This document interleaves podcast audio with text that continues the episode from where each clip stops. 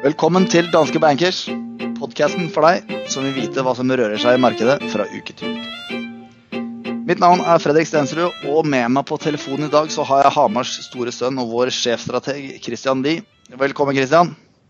Takk for det, Fredrik.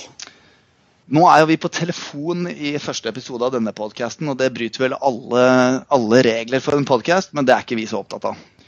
Så hva er det som har skjedd denne uken her, Christian? Det viktigste som har skjedd, eh, det er jo kanskje at eh, Oslo Børs har nådd en eh, atter ny toppnotering. Det er jo hyggelig for oss nordmenn og for de som investerer mot, mot, i norske aksjer. Men bortsett fra det, sånn på et mer globalt perspektiv, så har vi sett at de amerikanske rentene har trukket oppover. Dollaren har styrket seg. Vi har også sett en sterk rapporteringssesong i USA, hvor nesten 80% av selskapene som har levert tall så langt, har slått forventningene. Eh, og ikke minst har også Facebook eh, vist at de eh, fortsatt tjener mye penger. Hvis vi går tilbake til, til renteutviklingen, så har vi sett at den amerikanske tiåringen har bikket over 3% i løpet av uka, og nådd faktisk det høyeste nivået siden 2011. Eh, vi ser ikke på dette som noe som skal true eh, aksjemarkedet med det første, fordi vi tror at den oppgangen som eh, har skjedd i, i, i markedsrentene nå den siste tiden, det skyldes bl.a. høyere oljepris, som igjen påvirker inflasjonsforventningene i, i USA. Men vi tror Ja? Det er, det er, mye snakk om det der. Hva, hva, er det, hva er det som egentlig er så farlig med stigende renter for aksjemarkedet? Nei, det, det, som er det åpenbare, er at uh, hvis rentene stiger for mye, uh, så vil jo det begynne å kvele uh, veksten. Og det vil kunne kvele utsiktene for selskapsinntjening. Og, og, i tillegg så vil jo høyere rente, hvis du eksempelvis får 3,5% rente på en amerikansk statsobligasjon, så vil jo det se relativt sett mer attraktivt ut sammenlignet med aksjer enn når renten var på 1,5% Så eh, hvis, eh, hvis eh, investorene blir litt usikre i forhold til hvor veksten skal f.eks., så vil høyere renter kunne gjøre det mindre attraktivt å, å være i aksjemarkedet. Ja, og Hvor viktig vil du si at selskapsinntjeningen for aksjemarkedet er videre?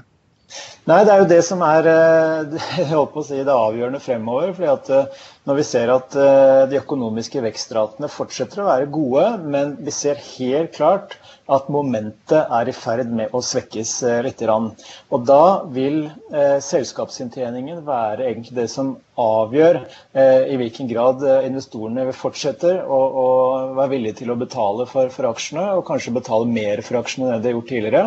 Eh, og så langt, hvis vi ser på førstekvartalstallene, så har jo Eh, forventningene har vært veldig høye i USA. Det forventes jo nå faktisk en inntjeningsvekst eh, på 23% for første kvartal i SMP 500. Eh, men 6-7 av den forventede inntjeningsveksten den kommer fra skattereformen alene. Og Derfor så tror vi at vi vil fortsette å se eh, en robust eh, selskapsinntjening for amerikanske aksjer spesielt da, eh, ut 2018, men den vil modereres i forhold til det nivået vi har sett nå, fordi skatt, effekten av skattereformen den er ikke Eh, evigvarende i forhold til vekstraten på inntjeningen. og Derfor så må vi forvente at eh, inntjeningen vil være bra, men ikke så bra som den har vært. Så eh, Hvordan aksjeinvestorene ser på dette fremover, og hvordan inntjeningen faktisk blir, blir veldig, veldig viktig for aksjemarkedet. Noe som også har vært i søkelyset de siste månedene, er jo teknologiselskapene, kanskje spesielt i USA hvor eh, Trump har kritisert eh, bl.a. Eh, Amazon for å utnytte sin markedsmakt, men kanskje også mest kjent denne såkalte Facebook-skandalen relatert til en del personopplysninger som kan ha blitt brukt til å påvirke det amerikanske valget i 2016. Men det som er interessant da, å se på i forhold til Facebook, når de leverte tall for første kvartal, det var jo at de tjener altså 5 milliarder dollar basert på en omsetning på 12 eh, milliarder eh, dollar.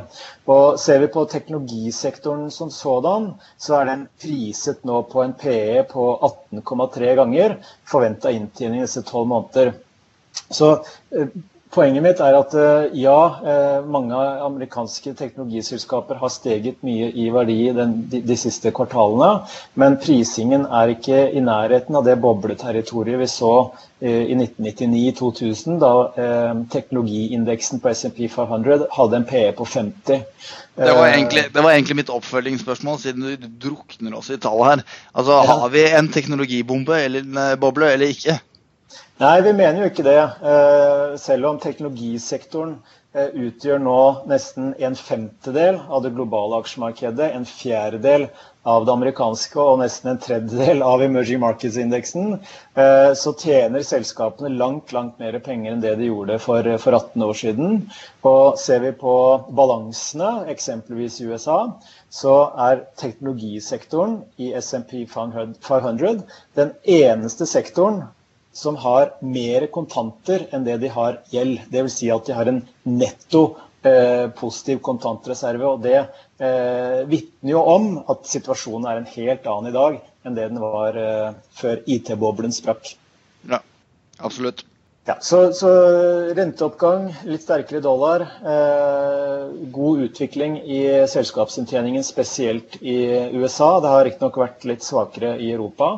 Og god inntjening hos mange teknologiselskaper, det er egentlig de viktigste tingene jeg tar med meg fra den uken som har gått. Yes. Hva skjer neste uke?